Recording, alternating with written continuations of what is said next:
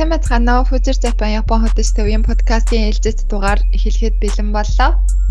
За тэгэхээр энэ удаагийнхаа дугаараар та бүхэндээ урд нь хэлсэн байгаа. Аа зочинтой дугаар одооноос эхлээд за оруулаад явах болно. За тэгэхээр хамгийн эхний зочноороо Египт хоёрын найз болох Дөлгөө маань оролцохоор болсон байгаа. За тэгэхээр Дөлгөө өөрийгөө танилцуулах уу? За, за, сайн байцгаана уу? За, ажлууд нь сайн мэддээ. Аа, намайг Дөлгөө мөрөн гэдэг. За, тэгээ Японд ирээд одоо 3 дахь жилдээ ажиллаж байна. Ажиллаж амьдарч байна. Одоо болохоор ажил зуучлалын компани, консалтинг гэдэг компанид ажиллаж байгаа. Тийм л байна да. За, тэгээд өнөөдөр Дөлгөөнийг урьсан шалтгаан нь болохоор ажлынхын талаар өөрийнх нь мэддэг чаддаг бүх юмыг шавхаж яриулахаар урьсан байгаа. За тэгээд юуны талаар ярих вэ гэхээр ур чадварын дадлагжагч гээд шин төрлийн виз 2018 оноос аяг албаасаар эхэлсэн тийм ээ 18 оноос эхэлж гарсан байгаа. Тэгээд 14 төрлийн тэр ажил мэрэгчлэр Японд энэ шинэ визээр ирж ажиллах боломжтой байдаг. Тэгээд тэр визний талаар, ажлын талаар Тэгээд тэр дотроос асаргааны чиглэлийн ажлыг төлөхөө энэ талаар мэдээллийг авахар төлөвлөгөөнийг аварсан байгаамаа.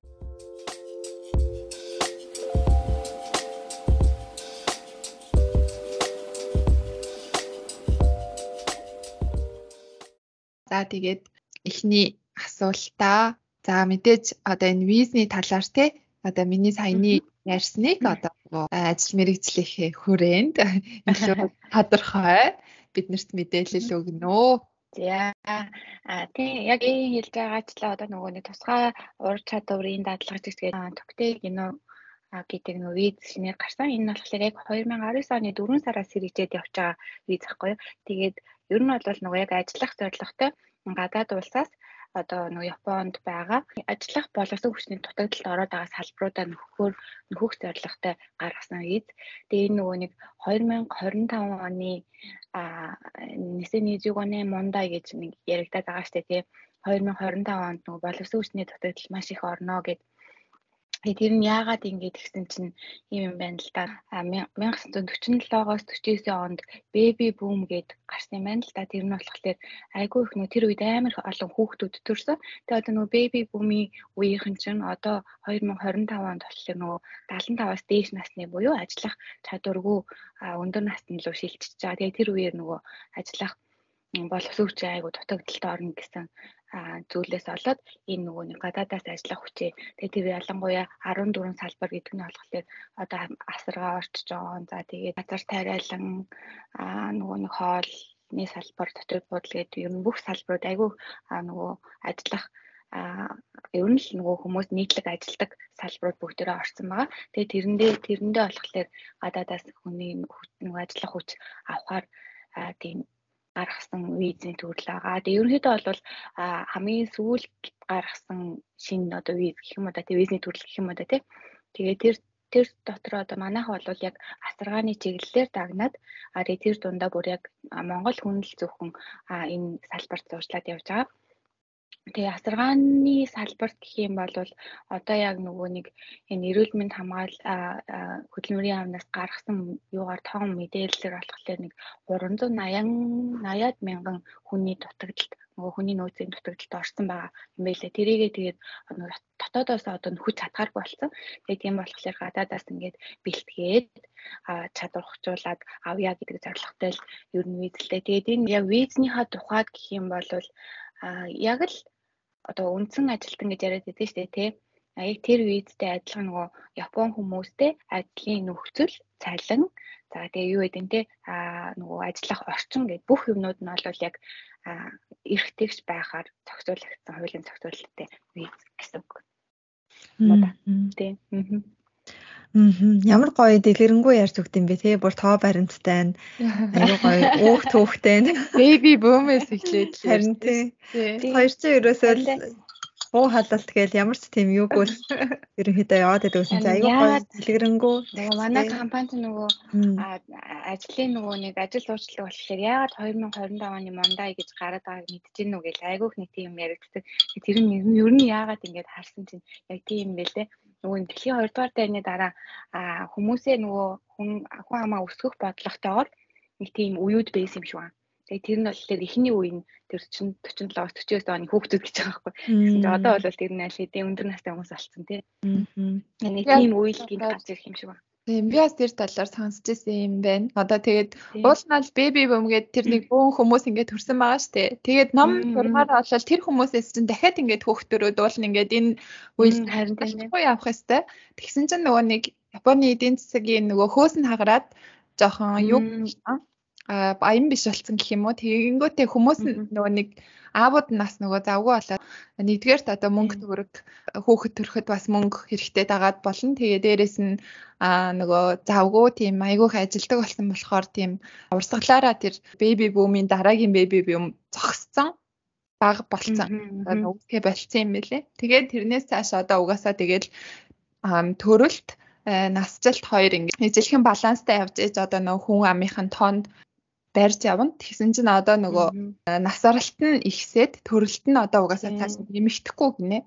Тийм болохоор одоо нөгөө Японы хүн ам багасна одоо зүгээр л ингээл тоогоор угаасаа статистикаар бодсон ч багасна гэсэн юм байгаа билээ. Харин тий одоо ер нь бол нөгөө өсөх төлөв байхгүй болчиход байгаа шүү дээ.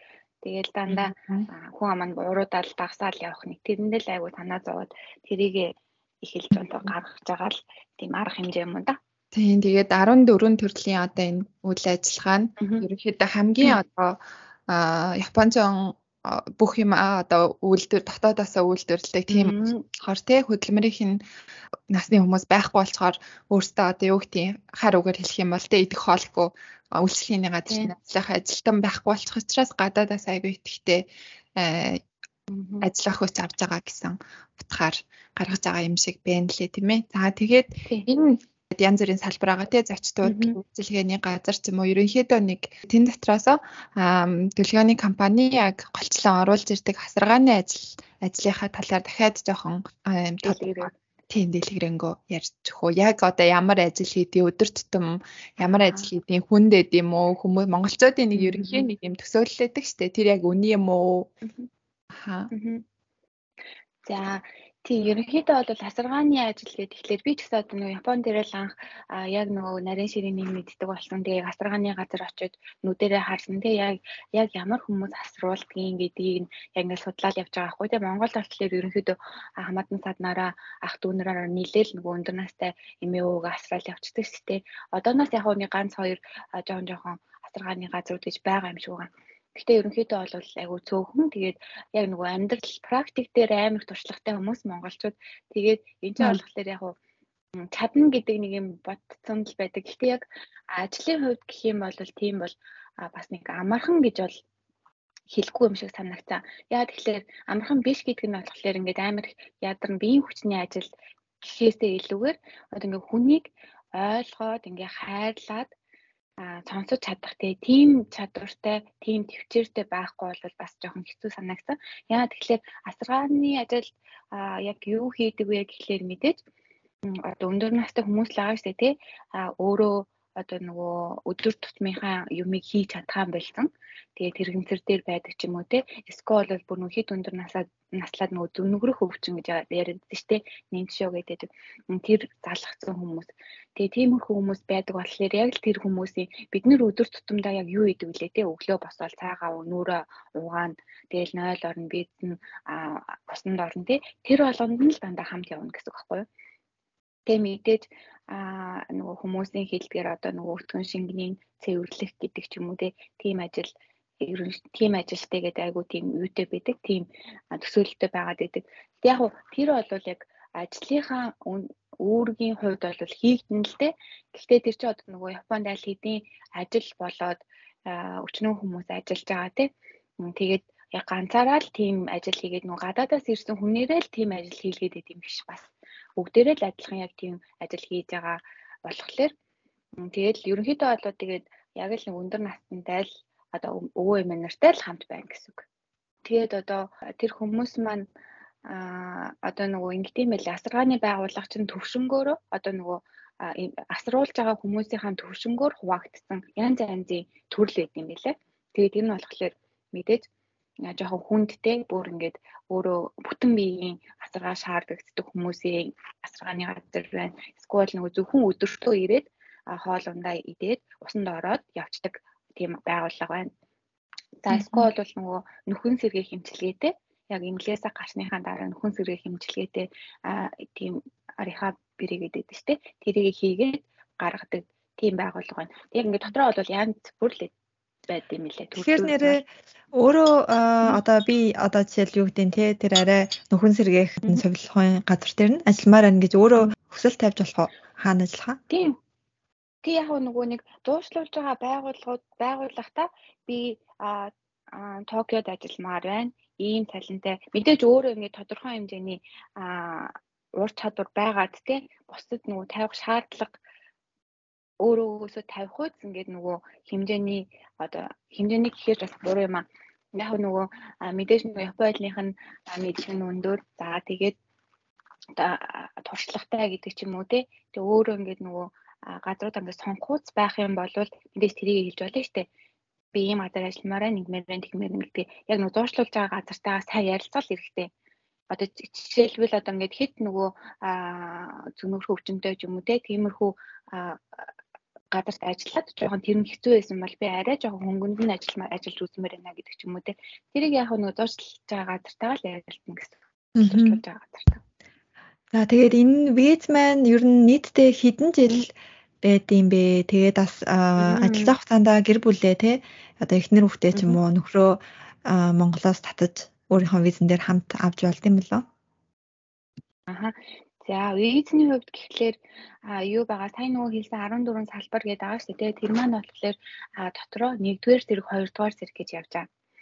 Тэгээ 2-р зэрэг нь болохоор бүгдээрээ орчин 1-р зэрэгт хамаардаг салбар нь одоогийн байдлаар нэг 2 л байгаад байгаа. Аа тэгээд тэрнээс бус нь болохоор 2-р зэрэгтэй болохоор дандаа 5 жил хүртэл аа юу Японд ажиллаж амьдрна.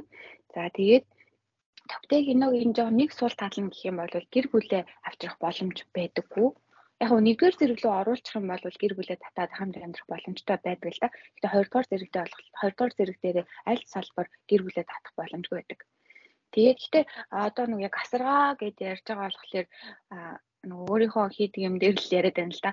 Асаргаа болохоор нэг онцлогтой юм гэх юм бол асаргааны салбарт ороод эхний 3 жил ажиллаад Тэгээ нөгөө анхан шатны мэдлэгээ авцсан гэд одоо нөгөө яг практикаар ажиллаад үзчихэж байгаа шүү дээ. Тэгснийхаа дараа мэрэгжлийн шалгалт өгж болдог байхгүй? Улсын шалгалт гэсэн үг. Үнэмлэхдээ одоо мэрэгжил дээшлэх шалгалт гэх юм уу? Тэр шалгалтаа өгч юм бол а өгөөд тэнцчих юм бол а визний төрөл чинь кайго гэдэг кайгогийн тустай асаргаа гэдэг тустай нөгөө ажиллах виз байгаа. Тэр виз рүүгээ шилжчих юм бол гэр бүлээ татаад хамт амьдарч болно гэсэн. Мэдээж тэгээд нөгөө мэрэгжлийн гэдэг мэрэгжлийн болцсон гэдэг үүднээсээ цалин дээр нь ч гэсэн нэмэлт ороод явчихна. Тэр аюух боломжтой. 3 жил ажиллаад уу тий? Тий. 3 жил ажиллаад. Аха. Үнэн компани үнсэн ажилтан шиг л болчих юм биш тийм ээ? Тий. Үндсэн ажилтан гэхдээ яг нөгөө гэрээ энтрээрээ болвол яг аа үндсэнгээр л явна л та. Гэтэ нөгөө мэрэгчлэн илүү мэрэгч байгаа л гэсэн үг. Тийм нөгөө улсын шалгалтаа өгөөд яачих байгаа болохоор. Гэхдээ тэр нь яг нөгөө шалгалт өгөөл юм амархан юм шиг ингээд одоо ярьж байгаа гэсэн яг улсын шалгалт гэдэг утгаараа жоохон хүнд байхын хувьд бол байдаг. Тэгээ өөрөө яг хичээгээд мэрийгээд Тэгээ улсын шалгалт гэдэг маань зөвхөн гадаад хүмүүст ориулаад авч байгаа JLPT энэ шиг биш.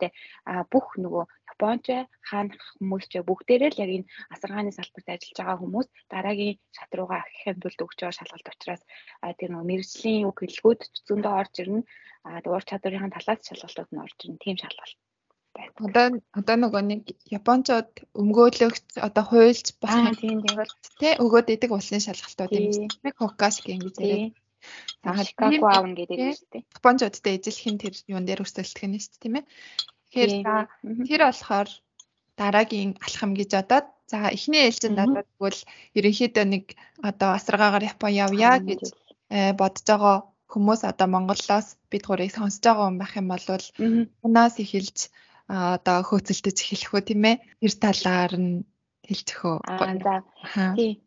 Тийм тийм Монголоос нэрээ ойрын үед айгүй их нөгөө хил нэгдээд яатантай холбоотойгоор айгүй хүмүүс хөдөлгөөнд орсон юм шиг үлээ тий. Тойрлоо гэсэн зөндөө хүмүүс байгаа.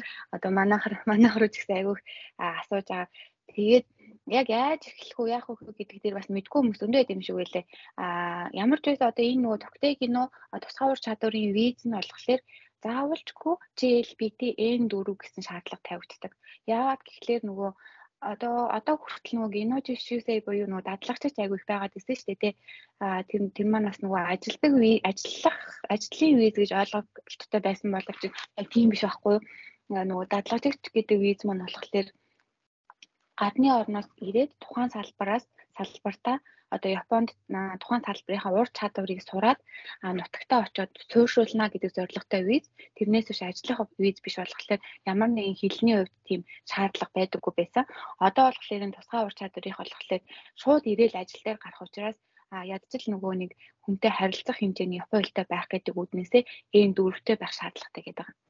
За тэгээд тэрнийхээ дээрээсээ а юу салбар салбартаа мэрэгжлийн шалгалтууд гэж байгаа. Жишээлбэл асаргааны хувьд болохоор хоёр мэрэгжлийн шалгалттай байдаг. Тэр нь болохоор улсын юу асаргааны япон хэл одоо мэрэгжлийн үг хэл гэсэн үг тийм. Тэгээд ур чадварын шалгалт гэдэг. Тэгээ нийтдээ ерөнхийдөө ингээ гурван шалгалт байгаа.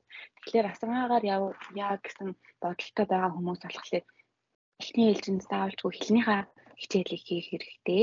За тэгээ саяны хэлсэн мэрэгжлийн хоёр шалгалт болохоор сар болгон Монголд явагддаг болохоор тэр шалгалтандаа ороод тэнцчих хэрэгтэй. За тэгээд дараагийнх нь болохоор зурчлалын компаниудтай холбогдоод ярилцлаганд ороод ингээд явна л гэсэн үг. Гэхдээ тэр сургалтанд бэлтгэхийн тулд юу бэлтэх үү гэхээ бас мэдэхгүй болохоор эхлээд зуучлалын төвд хандсан байх тийм ээ. Тийм, тийм тийм. Яг юу юу юунаас бэлтгэв бас нэрээ тийм дээ. Юунаас бэлтгэв, яаж бэлтгэв гэдэг маань бас жоон хэцүү гэж магадгүй. Тийм болохоор зуучлалын компаниудаас асуугаад одоо ч нөгөө харьцангуй айгүй ханаас ч асуусан мэдээлэл айгүй түгээмэл болсон болохоор баг өөрөө ч судлаад яасан болох бах. Тэгэл зуучлалынхаа мэдгүй бол зуучлалын компаниуд руугаа асуугаад тэгэх юм бол тэгэл хэлээл өгч байх л та бүгдээ. Зурвалжлалын компани гэхээр яг Монголд э, янз янзын л одоо өртөгтэй байгаа хэл та тий зарим нь одоо арай их илүү мөнгө авдаг ч юм уу тий танай компанийн хувьд одоо Монголоос ирья гэх юм бол хандуул арилцаагаар хэр хэмжээний өртөг гарах вэ? Ааха. За одоо яг нөгөө нэг энэ дээр нэг ийм ялгаатай байгаад байгаа Аа түрүүн хэлсэн дадлагжигч гэдэг дээр л дахиад жишээ авах гэдэг нь л да. Дадлагжигч чинь нөгөө нийгэмлэг гэж нэг байгаад байдаг шүү дээ. Ханри дантай гэж хажууд нь хариуцаад явдаг нийгэмлэг байгаад байдаг. Тэр нийгэмлэг нөгөө аа тусгай зөвшөөрлөө аваад хүн ингээд уучлаад ингээд явж болдог. Тэгээ энэ тусгай уур чадварын визний хувьд болохоор тэр нөгөө нийгэмлэг гэдэг нь Монгол улсын нөгөө хөдөлмөр хамгааллын яам өөрөө болчиход байгаа байхгүй юу. Тэгэхээр тэднийх дээр очиж бүртгүүлээд а тэгээ зуучлалын хөлс гэх юм бол яг манайх болохоор Монгол улс салбар байхгүй шууд энэчнээс одоо манайх Токиод байдаг компани байхгүй. Тэгээ Токиогоос а шууд нөгөө нэг одоо онлайн дээр ханаас хамаагүй холбогдож байгаа болохоор онлайнаар холбогдоод хүмүүстэй холбогдоод явдаг учраас нэгдүгээр зуучлалыг хөлс авдаггүй. Яагаад авдаггүй вэ гэхлээр бид нар мэдээж нөгөө харилцагч нар байгаа тий асаргааны газарт одоо ингээ хоёр хүнийг уулзуулж гэсэн үг манай компанид одоо нэг тал нь хүн байхгүй нэг тал нь ажилд ормоор тэрийг ингээ зохицуулаад ингээ уулзуулж байгаа. Тэгэхээр тэр нөгөө ажилд авах авмаар байгаа гэсэн газраасаа бид нөгөө зуучлалын хөлсөө авчдаг учраас хувь хүнээс бол зуучлалын хөлс авахгүйгээр явдаг байна.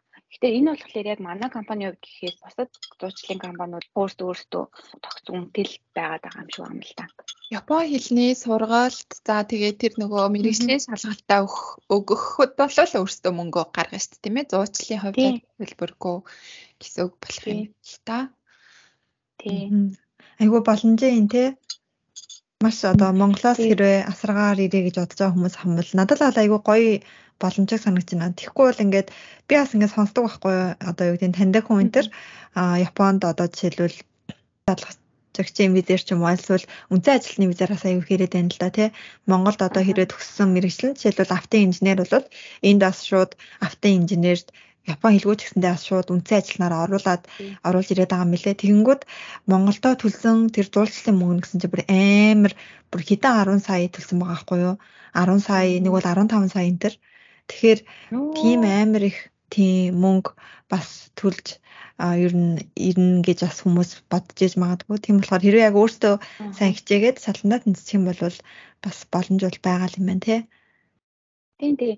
Аа яг нөгөө одоо л манай компани Монголоос бас хүмүүс авч байгаа. Тэгээд нөгөө Япон дотроосоо а юуны дадлагчдын 3 жилийн дуусаад одоо үргэлжлүүлээд ажилламаар байна. Заавалч асаргаа биш шүү дээ. Өөр салбарт байгаад одоо би энэ удаа асаргаа руу орж үзмээр байна гэдэг ч юм. Тэр бол ерөөсөө болно. Нөгөө нэг мэрэгжлийн шалгалтыг өгвөл явчих юм бол асуудал байхгүй. Тэгээ тийм хүмүүс Нэр ингэж болох уу? А хэлний бэлтгэлээ төгссөн хүүхэд ажилд орж болох уу? Ур чадварын дадлагчаар. Тийм болно шүү дээ. Одоо манайхаас А манад одоо нөгөө ерөөсөө одоо бүртгэлтэй байгаа хүүхдүүд нь хэлний бэлтгэлийн хүүхдүүд байна. Ирээд одоо 2 сар болж байна. Гэхдээ ингээд үргэлжлүүлээд а би сургуулаа төгсчөөд энэ асраагаар ингээд ажиллах хүсэлтэй байгаамаа. Тэгээ тийм болохоор одоо эртнээс ингээд бүртгүүлээд юмаа хийгээд явж иж болох уу шалгалтандаа ингээд яах вэ ихүү гэж зөвлөгөө авч байгаа хүмүүс өндөө байгаа тийм хүүхдүүд ч байгаа. Тэгээд Япон дотроос гэх юм бол тийм хүмүүс байна. Монголоос гэх юм бол Монгол нөгөө шалгалтандаа тэмцсэн байгаа хүмүүс байна тий. Тэгээд нөгөө одоо яг манай компани Монголоос хүмүүсээ авахтай яг тэгж байгаа байхгүй зуучлалын хөлс хувь хүнээс нь авахгүй байгаа. Тэгээд дээрэс нь ирээд зөвхөн нөгөө нэг ихний хэрэглээний 2 сарынхаа төлбөрийг мэдээж өөрөө авч өөртөө авчирч тий. Тэрийгэ авчираад тэгээд ажиллаад шууд нөгөө эргэтэн ажиллана гэлэн тий байж байгаа уул нь бол айгүй л дайггүй л нөхцөлтэй санагдаад байна. Тэгээ хүмүүс яг нөгөө гараад удаагүй байгаа болохоор бас яг нарийн учир шалтгаан нь бас мэдгүй ах шиг байна. Тэгээд жоохон мэдээлэл мэдээлэл жоохон баг шиг байна тийм ээ. Одоо нөгөө гэрээт ажилтан хүнд гэж ойлгоод байдаг. Тэр ойлголтод тэр чигээрээ тэгэл дахиад нэр нь ядчих жоохон ойролцоо тий дадлагч гэхээгүй тусгай ур чадварын дадлагч гэхээр нөгөө алигаа хэлээд байгаа хүмүүс жоохон аль ялгаа салахгүй гэж магадгүй тий. Тэгээд нөгөө яагаад гэдэг нөгөө ажил нь хүнд нөгөө тиймэрхүү ярианууд гарсан бэ гэд би бодоод идэг байхгүй. Тэгэхээр тэр юунаас л үүдэлтэй юм шиг байна. Нэг дадлагчигч чинь нөгөө цалин бас нэг жоохон бага байгаад байдаг шүү дээ тий. Тэгээд дадлагчгаас үүсэн. Тэгээд а зарим дадал нөгөө дадлагчиж авч байгаа нөгөө нийгэмлэг нь бас нөгөө жоохон хариуцлагагүй тэг хүүхдүүдэд харж ханддаггүй. Тэг Япон талаас Япон ч тэр чигээрээ сайн хүмүүсээс байхгүй шүү дээ. Жоохон тэгээд нөгөө баг цалингаар их ажиллуулж гад байдаг компаниудаа тэрийг нь бол нөгөө тухайн нийгэмлэг нь хилээд ингээд засаар ингээд явах хэрэгтэй байхгүй. Тэгэхэд нөгөө тийм юм байхгүй нөгөө хүү гаднаас ирж байгаа хүмүүсийн зүрхийг хөлцдөг тий. Тэгээд тэр хүмүүсийнх нь яриа ингээд аамжраад нэг тиймэрхүү яриа болчт юм болов гэж одоо анзаараад байгаа. Тэгээд дээрэс нь цалин нь бас жоохон бага байдаг те. Юуны хувьд болохоор одоо энэ насргааны ажлын хувьд болохоор цалин мөнгөний хувьд э, хэр байдаг вэ? Бас одоо даатгалч юм уу тий тэр э, халин хөл татвар татаас тэр талаар хэрвээ тийм мөнгө цуглуулах боломж нь хэрвээ тийм өөрөөс ямар зарлага гарах уу тэр тийм цалин цалингийн хувьд болохоор яг тэдийн гэд хилцлээр бас жоохон хэцүү. Энэ нөгөө э, Монголд ч гэсэн бас нэг хөдөлмөр үйлсний доод хэмжээгээ байдаг шүү дээ. Тэгээ тэр нөгөө Японд яг мууч муужаараа жоохон жоохон өөр байгаа байдаг шүү дээ. Тэрнээсээ шалтгаалаад тэгээ дээрэс нь энэ нөгөө нэг асаргааны ажилтан хомсдолтой байгаа болохоор нөгөө тухайн мужаас нь ч юм уу тухайн дүүргээс нь ч юм уу тэр нөгөө дүүрэгт байгаа асаргааны байгууллагуудад нөгөө дэмжлэг болгож юунууд өгд юм байлээ. Дэмжлэгүүд өгд юм байлээ. Тэр нь тэрийн тэрнийх нь нэмэлт нь хэр байна? За тэгээ байгууллагаас нь гаргаж хүмүүсээ нөгөө дэмжих дэмжлэг нь бас хэр байна гэдгээсээ хамаараа жоохон жоохон өөр болчиход идэг байхгүй юу. Гэхдээ ерөнхийдөө нэг дунджаар гэх юм бол нэг 19-аас 20 мянган 120 мянгаас 200 мянган юм тий 200 мянган yen болвол яг нэг асаргааны хувьд бол дундаж гэж бодчих. Тэгээ дээрэс нь тэрэн дээрээ болохоор а шүнний нөгөө ээлжинд гардаг байхгүй юу? мэдээж нөгөө ирээд шууд ингээд шүний ээлжинд гарахгүй л те ажилдаа дасаа нэг хагас жилийн дараа ч юм уу те ганцаараа ингээд юмнуудаа хийж мэддэг болсныхаа дараа шүний ээлжинд гарч эхэлнэ. Тэгээ шүний ээлж чинь болохоор нөгөө хуулаараа нэмэгдэлтэй байдаг тий. Тэгэхээр бас цалин дээр нь хөөрхөн нэмэлт нэмэлт ороод ирнэ. За тэгээд байгууллагаасаа шалтгаалаад юу гэж байгаа. Нөгөө бонус гэж яриад байгаа. Асараа тойр сонсч ирсэн асаргааны нөгөө салбар аягүй бонус ихтэй гэж. Тэр нь болохоор нөгөө хүмүүс нь Тэг хүмүүс нь жоохон нөгөө ажиллах хүмүүс нь байхгүй болохоор хүмүүсээ татах тийм байдаг юм мэдгүй тэрэн сайн мэдгүй. Гэтэ ямар ч байсан бонус амар ихтэй. Нэг хоёр удаа ч юм уу те. А гэтэ тэрийг бол компаниас нь хамаарна. А тийм бонустай байдаг. Тэгээд цалин нэмэгддэг. Тийм. Тэгээ татваруу татвар юунууд нь бол бүх татварууд, даатгалууд бүгдээр ингээд хамрагдаад явна гэсэн үг. Яг л одоо Японы э, Япон хүн шиг л тий байх юм нэ гэсэн үг тий. Татвар юмнуудаа төлнө гэдэг чинь эргээгээд одоо Японоос тэр хангамж бүх юм авах хэрэгтэй, эмнэлэгтэй 70% хөлтөө үзүүлэх хэрэгтэй. Тэгээд янз бүрийн одоо жишээлбэл одоо ч одоо үүнээс хойш байхгүй л ахaltaа жишээлбэл коронавигоос болоод орлого багассан бол өнгөрсөн жил чинь 100 мянган уулаас авч маавал тэр мэр хэрвээ тийм хангамж ирэх юм бол бүгдийг нэргүүлээд авах эрхтэй болчихж гэнэ гэсэн үг л дээ тийм ээ. Сая бас нэг кейс гарсан. А манай нэг сая Монголоос ирээд удаагүй байсан охин ажилдаа ороод нөгөө 7 хоногийн дараа эмнэлэгт үзүүлэх шаардлага гараад тэгээ тэр хооронд чинь нөгөө эрүүл мэндийн даатгалд нөгөө карт гарч ирээг байгаа. Гэхдээ нөгөө нэг эрүүл мэндийн даатгал нөгөө шинжлэх хийсэн одоо бүртгүүлсэн байгаа гэдэг нөгөө бичгээ компаниас аваад тэгээл адилхан нөгөө яг даатгалтай юм шиг 30% төлөөл эмнэлэгтээ үзүүлэл ячиж байгаа байхгүй юу. Тиймэрхүү боломжууд нь угаасаа бүгдээрээ нээлттэй байгаа. Тэрэн дээр санаа зовхон байхгүй. Тэгээ гол нь ингээд юу байгаад байгаа. Энийгээ хэрвээ ийм нөхцөлчин болвол заавалжгүй байх ёстой гэдгээ өөрөө айгуу сайн мэдэх хэрэгтэй. Тэгээ хэрвээ ийм юм байхгүй ингээ алдагдаад ах юм бол а манайх бас нөгөө нэг бүртгэлтэй дэмжигч байгууллага гэдэг юм заавалжгүй хажууд нь байх хэрэгтэй. Одоо нөгөө төрөний нийгэмлэг гэдэг шиг канри дантай гэдэг шиг юм заавалжгүй энэ тусгай ур чадварын ирж байгаа хүмүүсийн хажууд бол тийм байгууллага байх хэрэгтэй. Одоо эрдэнэсийг хамгаалдаг хангаж өгөхөд тусалдаг газар гэсэн үг бах тийм. Тийм. Тэгээ тэр нь ямар үүрэгтэй вэ гэхлээр яг эрснээс нь ахуулаад бүр анханаас нь одоо юуны онгоцны буудлаа очиж тосдог. За тэгээ харихт нь ингэж хүргэж өгдөг. За тэгээ анх идэд ямар дүүрэг дээр бүртгэл хийгдэх байх нь тий банкны карт нэх, утасны дугаар авах ингээл хамгийн ихний шаардлагатай бүхэл юм дээр хамт явж тэрийг нь тусалж өгнө. За тэгээд үргэлжлүүлээд тэр маань яван явдал нь амьдрал нь юу тохиолдож байна те а юу сурмаар байна гэдгийг бүх бүх талын мэдээллийг өгж явах хэрэгтэй байгууллага байхгүй. Тэгээ тэр байгууллагатайгаа аюул сайн нэгт ажиллаад а хэрвээ ингээд ажил дээр нь асуудал гараад хэрвээ бусад хүмүүстэй яг Япон хүмүүстэй адилхан нөхцөл биш ажиллаад байх юм бол тэрийгэ шаардах өөрсдөө бүрэн боломжтой болохоор тэрийг аягүй сайн мэд хэрэгтэй. Би яг ямар ямар нөхцөлтэйгээр ирж байгаа вэ лээ? Би яг юу юу шаардаж болох вэ? Надад ямар ямар ирэх байгаа вэ? Гэдгийг л аягүй сайн мэдчих хэрэгтэй юмсан надад. Юу. Тэрийг гэхдээ яг одоо бид нар баг Монголд өөрийнхөө улсад байхдаа ч гэсэн ям одоо ямар их хичээ сайн мэдтгүү тэгээд хилэн мэдгүй гадаад ирэх юм бол бүр л мэдгүй байх л та тий. Тэгэхээр одоо энэ танай компаниар ч юм уу тий ингээ Монгол ажилтнтай газраар бас ирэх юм бол айгуу даваа тал болж өгөх юм байна да гэж бодлоо. Монголоос дуучлуулад ирээд энд ямар ч одоо тийм те Монгол хариуцсан ажилтангуй байх юм бол бас эхний ээлжинд хэл муутай болохоор Монголын явалт гаднаас хэр удаан харж хандаж утасны цаанаас орчуулах хийж өгөх билээ те. Тийм болохоор бас э, ингээд Монгол ажилтан байгаа газраар бас ирэх юм бол зүгээр юм байна гэж бодлоо. Миний хувьд гэхэд чинь Япон хэл бүр ингээд чөлөөтэй мэддэг байж байгаад ирсэн мөртлөө мэдэхгүй юм. Айгүйх гардаг гэсэн. Тэгэл би өөрийгөө эхлээд ингээл за би Японд очиж хилтэй хэмжинстэй нэрээ алдахгүй гэж боддог гэсэн чинь ингээд мэдэхгүй юм амар их гараад тэг би нэг юу гэж хайж яаж хинээс асуухаач мэдэхгүй тийм нүд айгүй. Тийм болохоор одоо хэл мэдэхгүй хүмүүс ирээд шууд ингээд ажилдаа ороод байхаар бас нэлээ мэдэхгүй юмнууд гарах тэр үед те иймэрхүү зөв их сурвалжаас ч юм уу те. Хаваад тийм Тэгээд нөгөө ганцхан мэдээ мэдээлэл дээрч биш. Одоо тэгэл нөгөө орчин солигдоод аа орчин солигдоод нөгөө ганцаараа гадаад хүний нутагт ирж гин. Тэгэхээр нөгөө сэтгэл санаа нь жоохон сэтгэл санааны хямралтай болно. Тэгээд шууд ажиллахлаар бас нөгөө гэр орноо сана гэл тэгээд төрчин зөндөө юм байгаа шүү дээ. Тэр болгон дээрээ ингээд нөгөө хамт ингээ монголоор ярих хүн байх юм бол тэгээд мэдээж нөгөө танихгүй танихгүй хүн таних хүн байхгүй байх юм бол бүр л хэцүү. Тэгээ тэрэн дээр нь тэрэн дээр нь ч гэсэн тусалж дэмжиж явах үүрэгтэй компани үүрэгтэй байгууллагатай ер нь бол тэгээ заавалжгүй нөгөө тухайн авчирж байгаа орныхоо хэлээр ярьдаг хүн заавалжгүй байх хэрэгтэй гэсэн бас нөгөө шаардлагатай байгаа байхгүй. Зөв зөв. Уул нь гоё нөхцлүүдийг гоё хангаж өгөөд л байгаа эрсэх юм бол уул нь гоё учиртай л юм байна. Ирэх хүртлээ за Монголд за нөгөө түрүүн ярьсанчлан Японы N4 шалгалтанд тэнцсэн байх. Дээрээс нь хоёр шалгалт гээ гурван шалгалтанд тэнцсэн байх. Тэгээ за мэдээж нэг онгоцны зардал ч юм уу тиймэрхүү зардал Японы зардал ч юм уу гарах байх тий.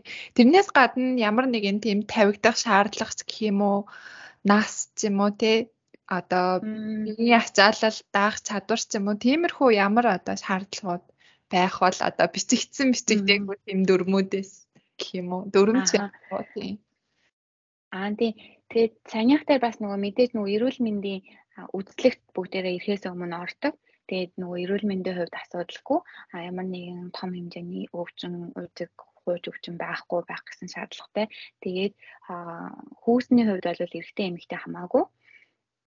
Тийм. Тэгээд насны хувьд болохоор ер нь бол нөгөө хязгаар байхгүй насны тийм хязгаарлал 50 тавиагүй л байт юм л та. Гэтэ яг нөгөө нэг амьдрал дээр тэр нөгөө яг ээгийн хэлж байгаа бичигдээгүй юм юм нь болохоор ажилуулах газраас аль болох залуу хүмүүс хүсэж байдаг. Яагаад гэвэл нөгөө Японч ингээл багаас нь сургаад айгүй ингээ удаан хугацаанд ажилуулах хүсэлтэй байгаа гэдэг шүү дээ. Тэгээ тийм болохоор ерөнхийдөө нөгөө залуу хүмүүсийг хүсээд байдаг. Тэгээ манайх болохоор манай компани 18-аас 38 39 ч юм уу те нэг тиймэрхүү хэмжээнд бол авдаг. Гэхдээ яг нөгөө тухайн харилцагчаас шалтгаалаад 40 гарсан ч юм уу тиймэрхүү хүн байх юм бол мэдээж юутай туршлага туршлагатай хэлний үед асуудалгүй тиймэрхүү хүмүүс байх юм бол мэдээж манайхаа санал болгоод явна л та. Яг хийвчлэн л нэг жоохон 18-аас хийдэг гэдэг. Хүний тоо энэ төр заасан байдаг. Одоо жишээлбэл жилд одоо хідэн хүн зуулчлан ч гэдэг юм уу тийм тоо энэ төр байд юм болоо? Хугацаа тийм байгууллагаас нь байгууллагт нь Тийм одоо танай компани жишээлбэл за манай компани хувьд энэ жил 50 хүн зурсан гэдэг юм уу тийм Монголоос тийм заасан тоо лимит а лимиттэй тийм лимит бол байхгүй. Зурчлалын эрхтэйгээр явж байгаа болохоор тийм. Одоо нөө Японы сургууль болохоор жилийн 4 удаа л хэлэлт авна гэж явдаг. Тийм юм. А тийм. А тийм юу болол байхгүй. Яг эсэлтийн хугацаа гэдэг шиг юм бол байхгүй.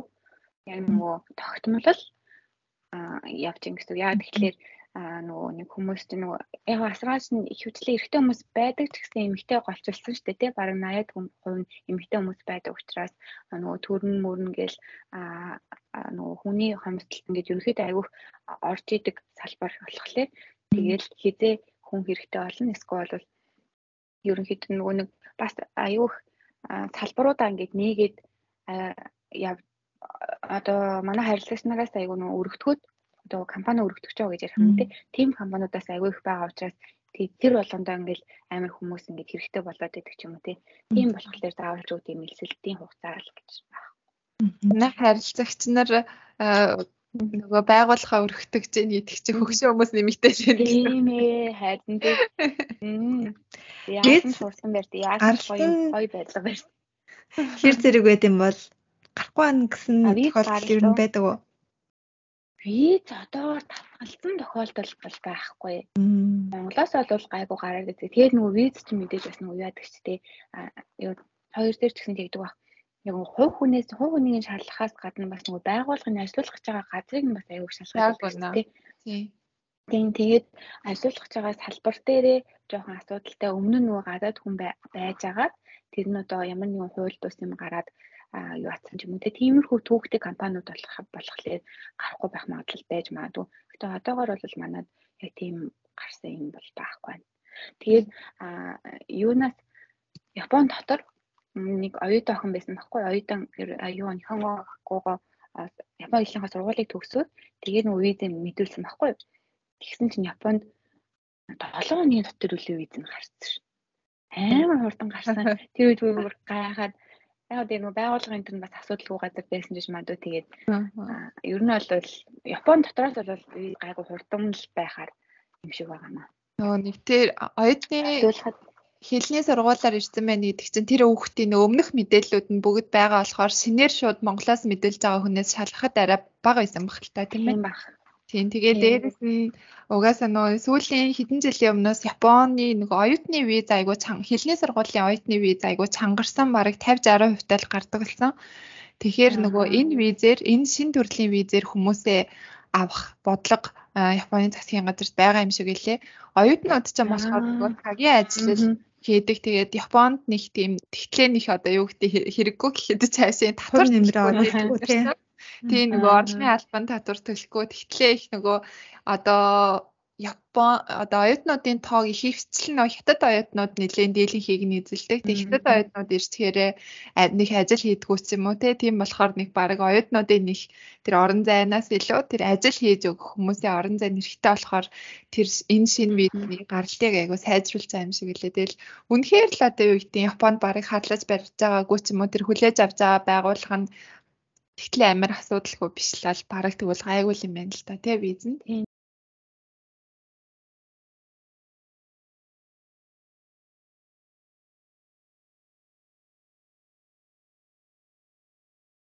Монголоос болвол за нөгөө Японы энэ дөрөв хүртэл үзнэ гэдэг чинь нэг ойролцоогоор 2 3 сар Японы үзсэн байх.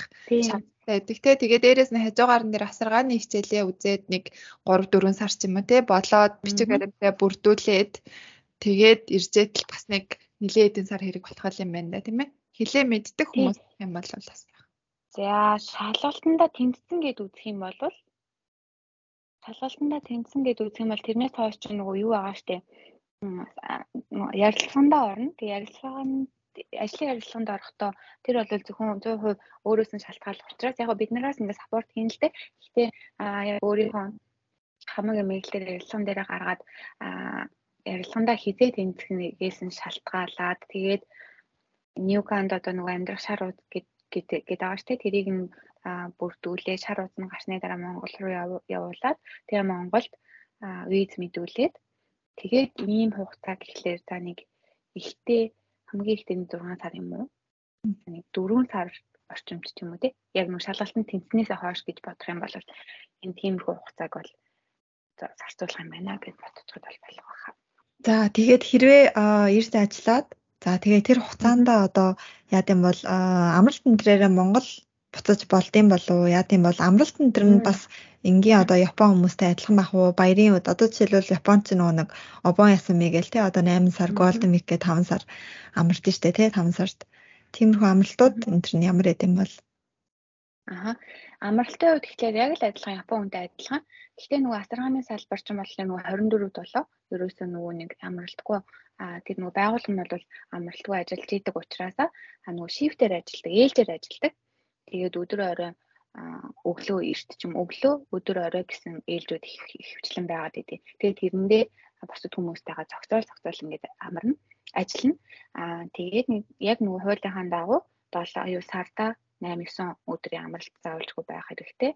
Тэгээд 6 сар ажилласнаас хойш болохоор нөгөө 10 хоногийн цалинтай чөлөө орж ирдэг шүү дээ. Тэр нь бол олгогдно. Тэгээд яг нөгөө Golden Week ч юм уу эсвэл нөгөө олон нийтийн баярын өдрүүдээр амарна гэж бол хэлж чадахгүй. Яг тэгэхээр нөгөө тэр ээлжээр ажиллаж байгаа учраас нөгөө ээлжтэй таарах юм бол тэгэл ээлжиндээ гараал явна гэсэн. Гэхдээ тэгээ тэр бол амралтаа аваад явж тээ. Тэгээ нөгөө Монгол хайрхаа хувьд юу ороод бол эхний нэг жилдээ бол яг харьж чадна гэж бол хэлж чадахгүй. Яа тэгэхээр нөгөө юмнуудаа сурна тий. Аа тэгээд мэдээж нөгөө 6 сарынхан дараа цалинтай чөлөө гарна. Тэгээд ер нь бол нэг жил ч аюу хурд өнгөрчдөг шүү дээ. Ингээл юмаа сураал ингээл явж байж. Тэгээ нэг жилийнхаа дараагаас ч юм уу аа нөгөө ажиллах хүмүүстэйгээ цогцоод Монгол бол тэрийг нөгөө ажиллах хүмүүстэйгээ л ярилцсан гэсэн үг шүү дээ. Тэрийгээ тэгээ зохицуулаад явах юм бол боломжтой. Айгу боломжтой юм биш үү те? Монгол хайрах гэснээс одоо жишээлбэл ирээд энэ ажлыг би хийж чадахгүй байна гэд буцахаар бол яг уу Аа. Тийшээ одоо тэгэл буцаар болох юм бол үнэхээр үнэхээр чадахгүй байна тий. өөрийнх нь яг нөгөө бодож исэн биш эсвэл ирээд яг хийгээд үзсэн чинь сэтгэл санаанд нь жоохон тиймэрхүү ч юм уу өөрт нь таарахгүй яг нөгөө бүх хүнд таарна гэсэн ажил бол биш шүү дээ.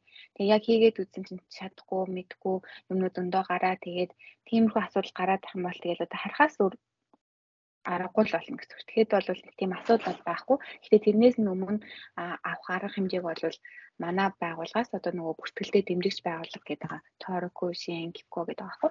Тэгээд тэр нь мэдээж нөгөө ажилуулж байгаа компанитай нь ярилцаад одоо ингээд ийм асуудал гараад байна гэх юм бол тэрийг нь аль болох зохицуулах талаас нь арга хэмжээнүүд ингээд шатааруулаад авна. Тэгээ хэрвээ тэгээ бүр болохгүй байх юм бол тэгээл ярилцж байгаа л тэгэл харахаас зүгээр аргагүй болно л доо. Тэрэн дээр бол заавалчгүй 5 жилээ гүйцээ энэ гэсэн юм бол байхгүй.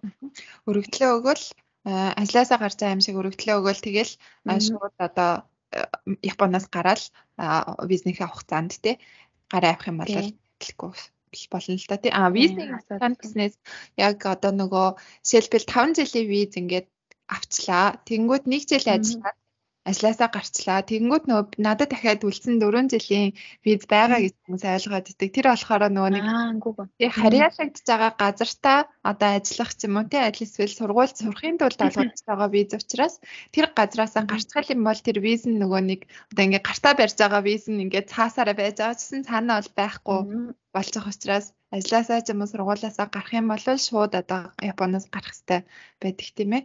Тэр болохоор яг Японд бүх визний хувьд ижилхэн ажиллаж байгаа, ажиллаж байсан хүн дадлагжагч гэрээ оюутан бүх хүмүүст адилхан байдаг.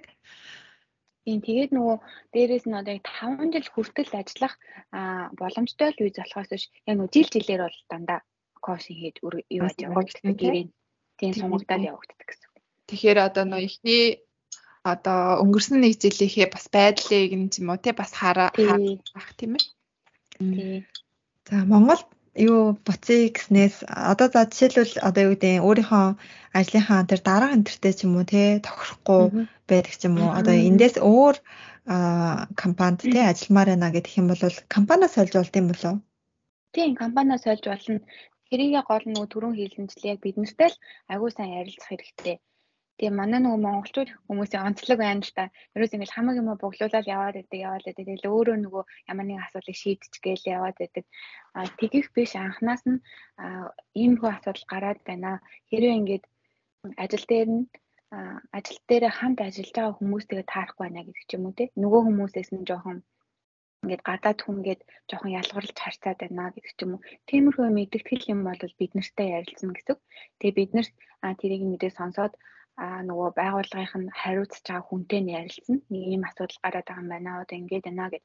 Тэгээд мэдээж энэ чинь ажиллаж байгаа юм чинь аль болох тав тухтай өөрийнхөө сайхан ажиллах хэрэгтэй шүү дээ. Тэгээд тэр сайжруулах тийм юмыг нь бол хийн. Гэхдээ тэгээд хийгээд хийгээд сайжрахгүй байх юм бол тэгээд ажлаас болохоос өөр арга байхгүй. Гэтэ солиход бол ерөөсөө асуудал байхгүй. Тэгээд дахиад манахаас манахаас ингээд дараагийнх нь ажлыг санал болгоод ярилцсанд оруулаад ингээд явна гэсэн үг. Ер нь айгүй сонсоодсэн чи айгүй боломжтой юм аа. Гэхдээ энэ компани солино гэдэг дээр юу байгаа те? Тухайн нөгөө нэг салбар дотроос сольж болох байгаа те. Өөр салбар руу бол шилжих бол боломжгүй байгаа штэ те. Шилжгээр чинь нөгөө дахиж шинээр одоо нэг осондоо виз мэдүүлэхтэй адилхан шинээр те. Тийм. Тэгээ бүх нөгөө мэрэгжлийн шалгалт энэ бүгдийн нэгнээс нөгөө л гэсэн үг те. Тэгэхээр одоо нөгөө нэг ажлаа сольж болно гэдгсэн чинь за би Чипатай жаа тэгээ би одоо Осакад очиж ажилламаар байна гэдэг ч юм уу тийм өөрийнхөө нэг дураар хүмүүс яагаад гэдэг чинь заримдаа бас надад таалагдахгүй нэг скол манай найз залуу тэнж байгаа. Ингэсэн тэгсэн гэл нэг тиймэрхүү шалтгаанаар бол тэрийг бол мэдээж хүлээж авахгүй. Үндэтгэх шалтгаантай болвол тий харгалзаж үзэж болно гэсэн үг байна тий баттай яг нэг тгээд байгаа гэсэн юм гарч ирэх юм бол тий бас нөгөө виз шинээр мэдүүлнэ гэдэг чинь тэгэл нөгөө цагаачлалын албанд тэр шалтгаан нь тий одоо эхний газраасаа гарч байгаа шалтгаан бүх юм ин хэлэхэд шаардлагатай л байдаг гэлхүү дээ тий. Тэгэхээр юм зэтгэх шалтгааныг гэх юм бол угаасаа визэнч барыг зөвшөөрөхдөггүй бах тий цаана одоо юунаасаа харин тий. Тийм. Тэгэхээр ер нь нэг тий айгу юм болохоор өмнө нь нөгөө дадлагжигч чинь компаниад сольж болохгүй визэж сунгаж олохгүй нэг юм айгу баригдмал эдгтэй. Тэгэхээр айгу одоо нөгөө өөрөө хичээж чармаагаад 3 жилтэй гэрээгээ тухайн байгууллагатай гэрээгээ дуусгачих юм бол за тэр улсны шалгалтыг өгөөд асаргаа гэсэн улсны шалгалтанд тэнцээд тэ аль биесаар тэгээ ажиллаж болж ийн бүр одоо өөр салбар руу ч юм уу тэ зочд буудлын салбар руу ч юм уу шалгалтаа өгөө тэнцэх юм бол орж болж ийн тэ Тэгээд бүр цаашаага одоо тэр нөгөө 2 1 гэдээ ирсэн шүү дээ. Эхлээд эрэхтэй 2 дугаар төвшин 2 дугаар юу гэлээ? 2 дугаар зэрэг 2 дугаар зэргийг авчаад 4 5 жил сайн ажиллах юм бол 1-р зэрэгийг авчих юм бол гэр бүлээ авч болж юм. Тэгээд бүр цаашлаад ажиллаад байх юм бол нөгөө нэг Японы байнгын уршин суугчийн виз ч мэдүүлж болно шүү дээ. Тийм ээ нөгөө насаа уршин суух виз. Тэгэхээр яг л үндсэн ажилдаа. Одоо бид нар чинь жишээлбэл одоо гуруулаад адилхан тий одоо хэл сураал Японд их сургуульд ороод төгсөөл. Тэгэл үндсэн ажилд орохгүй бол яаж одоо нөгөө зовж гэдэг шиг энэ одоо тий одоо энэ юунд хүрсэн байгаа лээ. Тэрийг ингээд жоохон хичээгээл Монголоосоо тэр одоо гурван шалгалтыг Японы доороосоо хоёр дахь төвшин штэ тий өдөр тутмын лимээ багт болохоор тэрийг чадчих юм бол тэгээд Японд бас амьдарч болохоор тийм гоё боломж юм байна гэж байна. Харин тийм. Яг нөгөө аюу бол ажиллах юуны хувьд аюу боломжтой юу агаад? Виз агаад? Тэгээд бүх талаар нь аюу нөгөө сайн нөхцөлийг нь сайн бүрдүүлээд өгсөн.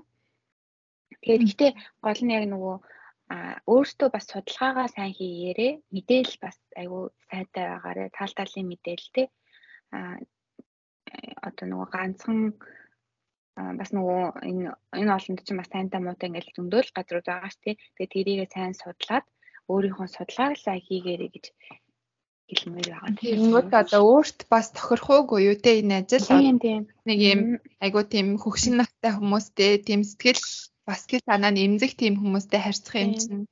А тэнгүүтээ гадаад хэл дээр харьцсан те бүр Тэгэхээр одоо би надад энэ ажил таарах нүггүй юу? Бид гурийн одоо ярьж байгаа айгүй гоё боломжийн гэж гоё үгээр хэлээд байгаа нэм ерөнхий том зурагтай одоо нөгөө нэг бүх одоо боломжоор нь хангацсан ч гэх юм уу тий одоо виз байд юм уу сунгаж олох гэр бүлээ авах цаашаа өсөж хөгжих боломж тэнгүүд одоо жижиг жижиг өөртөө тохирох үгүй юу гэсэн юмнуудыг хувь хүн өөрөө л шийднэ.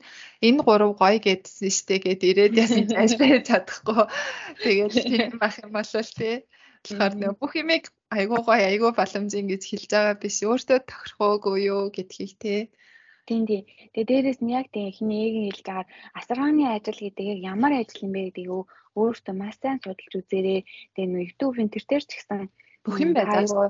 Тийм кайго кайгогийн шокогийн наё гэдэг ч юм уу деск бол кайоны ажил гэдэг ч юм уу хайхад бол бүх ингээд нөгөө видео энэ та гараад ирэх байхгүй. Тэгээ тийм болохоор одоо нөгөө нэг яг ажил дээрээ гараад ирэхлээр нөгөө тэр хөгшин хүмүүс доторч янз бүрийн хүмүүс байгаас тий өөрийн ингээд мдээгүй болоод ингээд цохиж цохиж мохгож оролддог ч юм уу тий эсвэл нөгөө одоо нэг тийм зүн зүн өвөө манар байгаад байдаг шүү дээ. Гинт гинт муухай ажилтдаг, гинт ингэж амар ойролдог тий.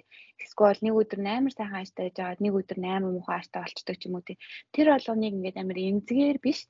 А угаасаа энэ хүн та нар ийм өвчтэй юм чинь эсвэл бол энэ хүн өөрөө чадахгүй юм чи энийг нь хийгээд өгчэй гэж нэг тийм тэрийг ойлгодог сэтгэлтэй байхгүй бол бас жоохон чанга штэ сэтгэл санааны хувьд а дээшээ доош болох юмуд айгүй их байгаа. Тэгэл эсвэл бол нөгөө ингээд өдөр айгүй сайн ингээл амар ингээд сайн асгаа ингээд өдөр болон ингээд уулзж идэг өвөө эмээ маргааш нь ирсэн чинь байхгүй болчдөг ч юм уу те? Өнгөрчдөг ч юм уу? Тийм тиймэрхүү юмнууд ч гэсэн зөндөө байх учраас сэтгэл санааны бэлтгэлтэй байх хэрэгтэй. Тэгээ дээрэс нь тиймэрхүү яг нөгөө хүнд хэрэгцээтэй юм хийж өгж байгаа шүү гэдэг юм а яг сайн ойлгоод ирсгэл хэрэгтэй. Тэгээд заавал ч нөгөө түрүү хэлсэн хүн болгонд таардаг ажил биш болохоор тэгээд таарахгүй байх юм бол бас өөр боломжууд өндөө байгаа юм чинь те. Түрүүний 13 салбар нь хүлээж шийдсэн яг үнэн тий Дэлгүүр одоо нэлээд бас олон хүнтэй тий. За одоо энэ виз чинь гараад 3 жил гаруй болж байгаа болохоор олон хүмүүсийг бас одоо яг ойролцооноос нь харж ирсэн баг. Тэгэхээр яг ямар хүнд арай илүү яг энэ визээр ирүүл тохироод ямар хүн ер нь жоохон дахиад сайн бодож үзээрэй гэж ямар байна хэлмээр байна тэр зан өөрийнхөө дээр одоо хүний зан арын шингийн тал дээр. Аа. Зан арын шингийн тал дээр аа гэхдээ хүн монголчууд айгу гайгүй монголчууд ч тэгээд юмдаа ингээд хурдан дасцдаг тий. Тэгээд аа нөгөө багасаа нөгөө соёлонд тэр юм уу тий өвөө минертайгаа хамт өссөн тэгээ нөгөө хөвшин хүмүүс одоо ч нөгөө Японы залуу хүмүүс чинь бас бүр шал өөр юм билээ шүү дээ тий. Өвөө эмээгээсээ бүр ингээд амар холдсон жилдээ ганц манц уулзчих болж уулздаг ч юм уу тий. Эмнэлэг твцсэн багтнууд манайх шиг тэгж эргэж тойрно гэдэг асуудал ч байдгүй юм билээ шүү дээ. Тэгээд тийм болохоор монголчуудын хувьд болохоор аюу тийм гэр бүлсэг хүмүүс болохоор а ирээд бол ажилдаа хурдан тасдаг юм шиг надад байна. Яг нөгөө яг уу ур чадварын хувьд гэх юм бол нөгөө эмнэлэгт ажиллаад үзсэн ч юм уу те эсвэл нэг сувилагч энэ төр хийж исэн эсвэл тийм талын туршлагатай хүмүүс байхan юу юм бэ те? А бага ангийн цэцэрлэгийн багш нар бас аягүй тохирч магадгүй те Тийм. Тэснээр яг нөгөө хөвшин хүмүүс яг нэг жоохон хөвчг болчтой гэдэг байхгүй. Тэгэл нэг юм өдөр төчнөө хэлнэ. Нэг юм ингээд өчнөө ингээд тайлбарлан тэгээ шууд мартцдаг хүмүүсээс байгаа шүү дээ. Тэгээд яг тиймэрхүү хүмүүс хүнтэй ингээд аюух ажилдаг хүмүүс аа зүгээр санагдсан. Тэгээд нөгөө дотгошоо хүмүүс байх юм бол бас жоохон хэцүү юм болов? Аль болох нөгөө аа позитив тий ингээд эрэг ингээд юуж болж исэн энийгэл явж идэг тийм хүмүүс байх юм бол бас орчин нөгөө орчин тойрондоо ч гэсэн нэг тийм гоё эрэг юу уур амьсгал гаргаад тийм хүмүүс байх юм бас Яг зөв энэ ч одоо нөгөө 100% яг хүн хоорондын харилцаан дээр тулгуурладаг юу штэ? харилцаа тэгээ ихтгэл те. Ихтгэл дээр тулгуурладаг ажил учраас яг тэр нь айгуу чухал ах л та. За тэгээд дэлгөөндөө өнөөдөр маш их баярлалаа. Маш их одоо үнэтэй зөвлөгөөг. бит хоёрт бас хэлж өглөө. Манай сонсогчдод нар ч гэсэндээ бас мэдхийг хүссэн хүмүүс байсан болов уу гэж бодож байна.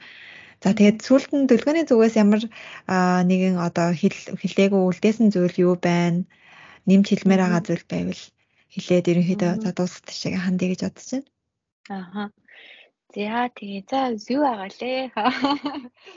Одоо нэг монгол хүмүүс гэр бүлсэг болохоор хурдан дасдаг гэдгийгсэн шүү дээ. Тэгэхээр одоо эсрэгээрээ бас тэгж санагдлаа. Хитрхи их одоо өөрийнхөө зүрх сэтгэлийг зариулаад тэгж бас болохгүй нэг юм балансыг байр бариад гэх юм уу Одоо жишээлбэл хин нэгэн тэ сэтгэл сэтгэлийн эмгэгтэй тийм өвөө эмээ байх юм бол одоо цохиж задаад ч юм уу тэ тэгэх юм бол чамд хандаж тэгж байгаа. Биш одоо тэр хүн тийм өвчтэй гэдэг утгаар нь харах ч юм уу нэг тийм заагийг барьж тэгж авахгүй бол хитрхи бас ингээл тэглээрээ хандаал тэгэх юм бол бас өөрөө амир юу яаж юм шиг санагдлаа. Японцууд нэг тийм ажил юу хоёроо айгуу салгаад юу яаж чаддаг тийм Тэгээ тэгэнгүүтээ өөрийнхөө тэр юу ингээд барьж чаддаг. Тэгэхээр нөгөө ажилдаа сэтгэл хөдлөлөөр хандах бас хэрэггүй л ахaltaа тий. Дасаргаа гэдэг чинь чухал юу учраас Японд бусад нөгөө Япон ажилчдаас айгүйх одоо зөвхөн тэр асаргааны ажил гэхээсээ илүү Японы дүрм журмыг сурах юм уу тий. Монголд очиод хэрвээ буцах юм бол Японы одоо тэр хамгийн чухал те одоо ийм салбарын юмыг сураад явж байгаа болохоор Монголд очих юм бол бас тэгээ Япон хэлний өндөр чадвартай болоо дээрэс нь тий бас хэрэгтэй байх гэж бодогдлоо. Тий. Япон хэлний хувьд болохоор нэрнгээсээ бусад а одоо нөгөө салбараасаа гэж хэлэхлээр бас арай болохгүй юм уу. Гэхдээ ер нь бол айгүй сайн сайжирна. Яг тэгэхээр өдөр тутамдаа Япон хэлээр ярина.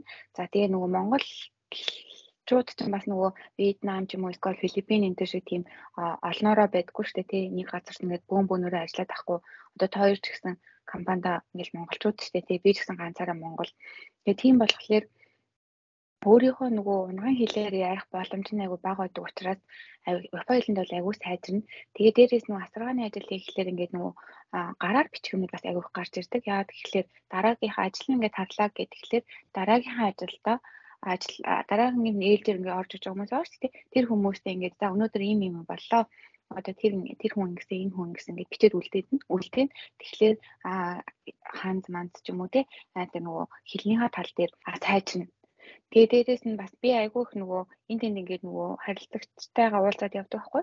Тэгээд тэрнээр бас нөгөө монголчуудыг аюу их сайн магтдаг. Аа монголчууд яагаад нөгөө асгаанд аюу ингээд гой таарад байдаг вэ гэхлээр нэгдүгээрт ингээд нүүр царайгаараа бид нэр бараг Японоос ялгардгүй шүү дээ тий. За бусад нөгөө Филиппин ч юм уу эсвэл Непал ч юм уу тийм хүмүүсээс арай ингээд нөгөө Япон төрхтэй гэх юм уу тийм болохоор тэр нь гэсэн нөгөө өндөр настай хүмүүстэй аягүй чухал гэдэг юм байна л да. Яагаад гэхлээр тэр чинь нөгөө нэг дээр үеийн хүмүүс учраас нэгэд яг одоо орчин үеийн нөгөө глобал нийгэм гадаад хүнд тасаагүй тийм тийм хүлээж авах нь бас жоохон хэцүү байдаг учраас нэгдүгürt монгол хүмүүст амар дуртай байдаг. Тэгээ дээрэс нь Япон хэлний хувьд айгүй нөгөө тийм аялга багтай ярьдаг бусад гадаад хүмүүсийг бодоход тэгээ айгүй нөгөө нэг толгоон цэгрийг айгүй ингээ хурдан юм ингээд юу яадаг сураад авчдаг. Аа тэгээд нөгөө одоо тэгэл хөвчлэн нөгөө монголчууд гээл тэгэхээр нөгөө сумо чудаар төсөөлөл авсан байгаа шүү дээ Япон хүмүүс чинь. Тэгээ тэр хүмүүс чинь хичнээн сайхан Японоор ярьдаг үлээ те амар ингээд нөгөө аялах аял ерөөсөө гадаад хүн гэж мэддэггүй ярьдаг. Яг тэр утгаараа аягүй сайн хэлний хувьд бол аягүй сайн манай өс ингээд өөртөө ингээд явчих тийм аа. Арай ойр санагддаг байх тий бусад юу.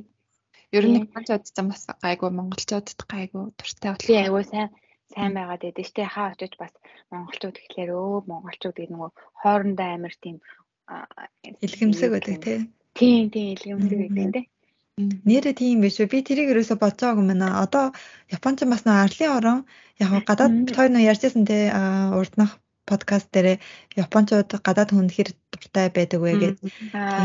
Ерөнхийдөө яг ингээд ер нь тэгээд илт одоо гадуурхсан ч юм уу тиймэрхүү зүйл бол байхгүй. Тэгтэл яг цаагаараа бас л яг гадаад хүмүүс арай нэг дасаагүй жоохон зарим зүйл дээр ажиглагтаад байдаг.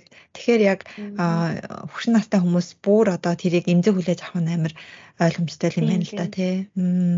Та хоёр ямар нэгэн байдлаар сабэцүү авч ирсэн үү? Ингээ.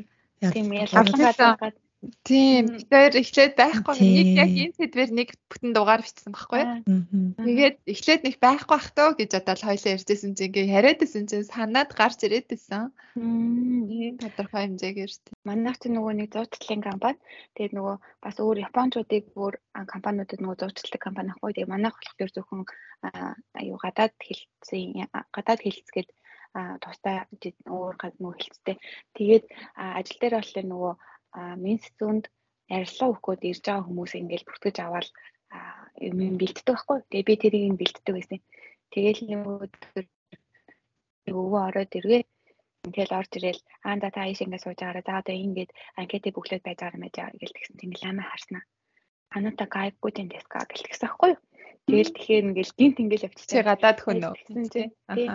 Тэгэхээр нөгөө тийм тийм би монгол хүн өндөр гэл. Тэр монгол хүн гэл хэлчих юм бол уул амар гайгүй тийм шүү дээ. Ялангуяа өвөө минер чинь өө тийм үү ямар сайн байлтай юм л дээ ингээл явдаг шүү дээ. Тийм байхгүй. Гэсэн чи а Нихонжи йондо мурати деска гэл амар ингээ хүүтэн зав. Би бүр яг ойлгох гэсэн тийм дээр. Тэгэл аа за за гэл Тэгэл угаасаа бодсон л доо. Тэгэл тэр хүний хідэн настай юм. Тэг угаасаа л нөө дээр үеийн хүн. Тэгээд мэдээж нөгөө гадаад хүн Монголд ч гэсэн тийм байдаг шүү дээ. Гадаад хүн хүлээж авдаггүй өндөр настай хүмүүс өндөр байдаг шүү дээ. Нэг жоохон цаанаасаа л нэг тэгэж хүлээж авдаггүй. Яг тийм үү тийм л хүн байсан байна гэл өнгөрсөн. Яг тиймэрхүү хүн хүмүүс ч гэсэн асаргаа орсон бас байгаа. Тэг тийм бол тийм юм хүлээж авах ч гэсэн бас сэтгэлийн бэлтгэлтэй байхгүй бол тэр болгон дээр унж тусаад байх юм бол яах яах тий яаж тааш яах вэ? Тэгээд асаргаа гиснээс одоо Монголд асрагч гэдэг ч тийм асрагчийн сургууль, чийн сургууль, асрагчийн сургууль тэр асрагч бол биш тий? А тийм тийм тэр бол биш. Ингэдэг юм байлаа. Монголд болохоор нөгөө ангаахт ч юм уу тий сувилагчаар төгссөн хүүхдүүд ингээд асаргаагаа бүгдийг мэдсэн, сурсан ингээд нэг бөөндүүлээд ингээд сурчдаг. Нэг гэсэн. Тэгээ Японд болохоор яг асар аюу сувилагчин сувилагчаараа асаргаа насрагаараа юм тусаа тусаа салбар болохоор ерөөсөө нүнд нь холдоггүй. Тэгээ Монгол болохоор Монголоос ирж байгаа хүмүүс би ингээд Монгол сувлэгч хийж байгаа. Тэгээд явандаа би сувлэгч болмоор байна гэд хэлэхлээр тэр бол боломжгүй шүү дээ ингээд гайхаад байдаг байхгүй яа гэхлээр аа сувлэгч болохын тулд Япон хүмүүс ч гэсэн өөрсдөө амар хичээдэг. Тэгээд бүх шалгалтуудыг өгдөг. Тэгээд сувлэгч болохын тулд ядаж ингээд ядаж л нөгөө сургуулийн төгсөөд шалгалтыг өгчиж ингээд нөгөө сувлэгч руугаа орж ирдэг.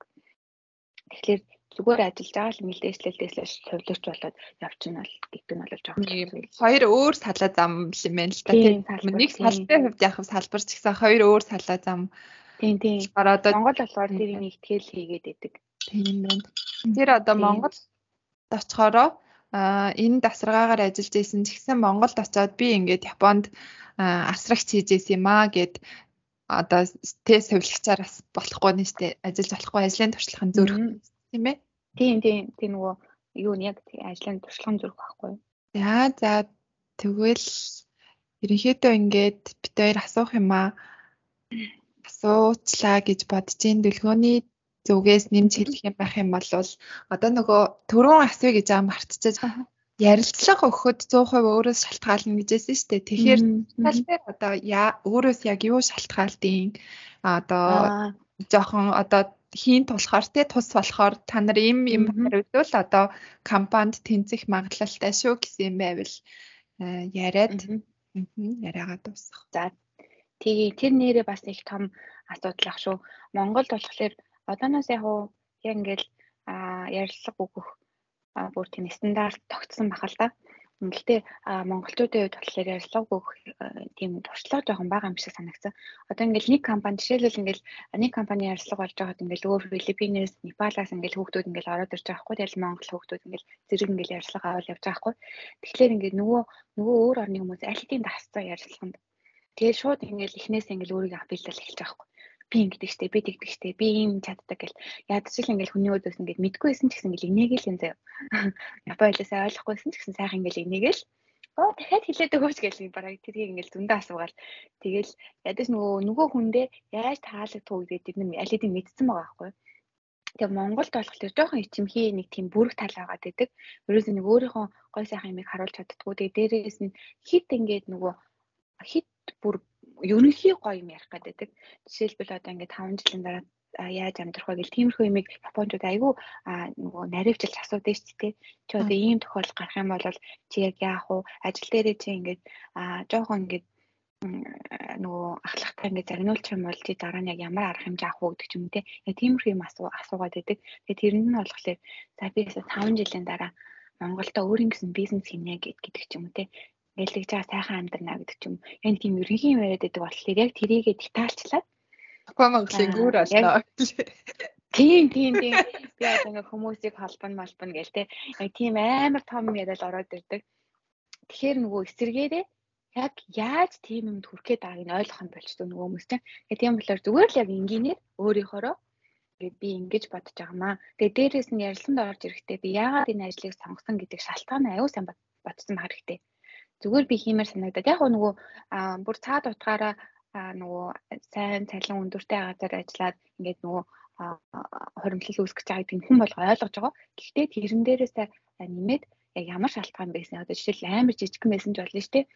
Би ингээд өвөө эмээтэйгээ ингээд хамт амьдардаг байсан. Гэхдээ аа тэгээд ихвчлэл нөгөө тэр манай нөгөө соёлтой холбоотойгоор өвөө эмээтэй амьддаг байсан учраас гэл тэгж орж ирдэг юм л та. Гэтэ тэрнээс өөр шалтгаанч байсан болно. Яг өөртөө тохиолдсон холбоотой яг зүгээр л энгийн юм ал хэлж хэрэгтэй. Тэгэх юм бол айгу хүлээж авах хэрэгтэй.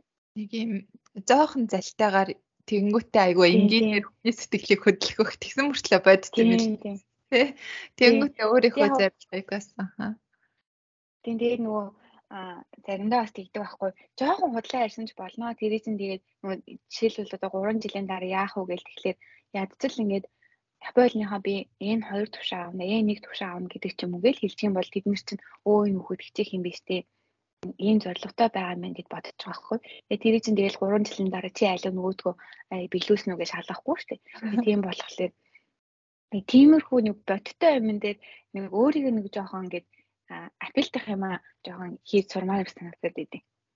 Тэгээд ингээд өөрийнхөө би юу чаддаг би ийм чадвартай учраас эсвэл ингээд амар гоё нэмсэглээд хүмүүсийг ингээд гоё хөгжилтэй байлгах чаддаг хүн байж болно шүү дээ. Тийм бол би ингээд амар акаруй болохоор ингээд хүмүүст ингээд амар гоё энерги өгдөг мөгдөг гэдэг ч юм уу те. Юм бол аа за за бас байж болох юм гэдэг ч юм уу те. Тиймэрхүү талаасаа жоохон бодох хэрэгтэй юм шиг санагдаад. Манай монголчуудаас ер нь нийтлэг ажиглагддаг зүйл нь жоохон татгшоогоо шүү те. Ер нь ингээд асуудал энэ төр гарангууд одоо нөгөө нэг Японч нөгөө нэг хоорын суу гэж хэлдэг ш те. Айгуу сайн зөвлөдөөд ингээд ойр тойрны хүмүүстэй яриад хэлжээ, хэлж ярьж зөвлөжээ. Тэр том асуудал болохоос өмнө ингээд хэлсээрээ л дотроо ингээд хоримтлуулж явсаар агаал хамгийн сүүлд нөгөө нэг шийдвэрээ гаргасныхаа дараа хилдэг те. За би инкер боллоо. За би ерөөсөө нутаг буцаарууллаа гэж нэг өдөр. Тийм дээ ёо тэр бүр амар шүү тий. Тийм болохоор Япон болохоор айгу юугаар явдаг те. Ингээ баг баг бүр ингээ жижигэн жижигэн байсан ч бүр ингээд ингээд байн байн хилээд байдаг. яваад байдаг те. Тийм. Харин тийм ээ тэр чинь одоо яг тулгараад байгаа. Тэгээд дээрэс нь тэр бол одоо ажлын байран дээр нэр тэрийг анхааруулж хэлэхэд яг нөгөө энэ асаргааны ажил гэдэг чинь хүний амь настай шууд холбоотой асуудал учраас ямар нэгэн өөрөө ингээд алдаа хийж болно шүү дээ. Алдаа хийхгүй хүн гэж бол байхгүй. Тэгээ хэрвээ алдаа хийчих юм бол шууд ингээд өөр хажаа уурхаа хүмүүстэй хэлээл хамт ингээд тусламж авах хэрэгтэй. Тэгэхгүй бол монголчууд шууд ингээд өөрөө дур мэдээд юм а нөгөөдгөө алдаагаа засгаад ингээд яваад байдаг. Тэрний хойноос яваад байдаг. Тэгээ тэр нь ингээд аж мажиндаа буруу болоод бүр ингээд байдлыг хөндрүүлчихдэг.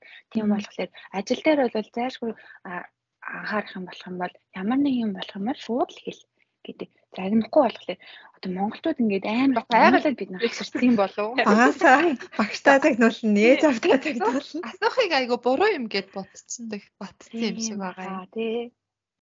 Ер нь тэгэл тэгдэг байсан тий. Жохон байхад багш нар энэ төр юм асуунгууд чи юугаад өдөөс юм аа яриад байгаа. Ийм юм бэлддэг юм уу чи гэж аль эсвэл тий. Заагаа эцтэй өмнө гэл. Харин тэ яг тийм. Тиймэрхүү нөгөө соёлын ялгаанууд байгаа учраас ерөөсөө бас эрхээс өмнө аюу сайн сайн тэр Япон Монголын соёлын ялгааг маш сайн бас мэдээл эрхэл хэрэгтэй юм байна л да тий. Тэгэх юм бол бас подкастын бүх дугаарыг сонсоорой. Ярьж байгаа шүү. Ямар ч сан сүүлд өгнөд гэх юм бол одооноос эхлээд асаргааны чиглэлээр Японд ажиллая гэд шийдээд судлаад э, хөдлөх юм бол За ойролцоогоор нэгтэй өнөөдрөөс эхлэх юм бол нэг 6 7 сар орчмын дараа тий жилийн дотор Японд ингээд ажиллахаар ирж болох нь байна. 5 жилийн дараа 10 жилийн дараа тий Японд ингээд ажиллаад байж болохоор байна гэсэн иймэрхүү мэдээлэл одоо бид бид гурийн өгсөн мэдээлэл зөвхөн нэг одоо нэг хэсэг нь учраас өөрөө сайн судлаад тий тэгээрээ тэгээд айгуу гой боломж Японд шинээр эхлээд 2 3 жил болж байгаа. Тэгээд манай Монгол руу бас ингээд эн чинь бас бүх орноос авахгүй нэг авах орнуудаа сонгоцсон байна тий. Тэгээд тэр манай Монгол тий манай Монгол орсон байгаа юм гой боломж байгаа учраас бүгдээрээ судлаарай гэж хүсэж байна. Тэгээд Монголд зуучилдаг газрууд бас нэлээд хэд байгаа ах гэж бодож байна. Тэгээд тэн дотроос өнөөдөр э, төлгөөнийг урьж оролцууллаа. Гэхдээ төлгөөний компани болохоор Монгол салбар байхгүй.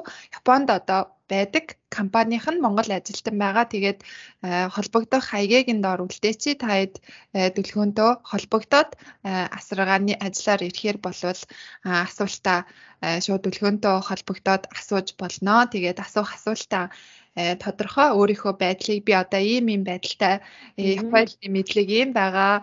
Тэгээд би цаашаага одоо тэтэд асраагаар явъя гэж бодож байгаа маа ч гэдэм юм те тодорхой асуултаа үлээгээд холбогдорой гэж хүсье. За баярлалаа. За тэгээд дэлгөөндөө өнөөдөр цаг зав гаргаж гоё яриа өрнүүлсэнд маш их баярлалаа. Бид хоёр ч гэсэн маш их асаргааны визний талаар одоо бүрэн ойлголттой болж авлаа. За бас сонсогчдод маань ч гэсэндээ энэ визний талаар бас сонирхож байсан хүн ч бас байгаа. Дээрээс нь огт өнөөдөр анх удаа сонсож байгаа хүн ч гэсэн байгаа гэж бодож байна. Тийм учраас за тэгээд хэрвээ ямар нэгэн зүйл асууж тодруулах зүйл байвал манай төлөвлөгөөнтэй холбоо яриад мэдээлэл аваарай гэж хүсье. За баярлалаа. Хоёр найзтай их баярлалаа. Ингээс нөгөө нэг нэг доор нь ингээ яриад мэдээлэл өгчих боломж тэр болгон арахгүй штэ тий. Ингээл яг бичээл ингээл яваал тавиал гэдэг л да. Гэтэ тэрийг нөгөө хүмүүс ч одоо шууд нөгөө дуустал нь уншдаг хүмүүс байх юм болц юм уу эсвэл бол тэгээд бичээ тавьсан байх чинь л тэгээд амар их асуугаад байдаг. Тэгээд тийм болохоор аа завгүй хүмүүс ч гэсэн юмаа хингээ ажиллаа хингээ сонсоход бас ийм гоё боломж олгож байгаа хоёр найздаа баярлаа. Тэгээд аа та хоёрын ихтэй ажиллана амжилт хүсье. Баярлалаа. За тэгэхээр дараагийн дугаараар уулзцгаая. Баяртай. Сонсон та бүхэндээ баярлалаа. Баяртай. Баяртай.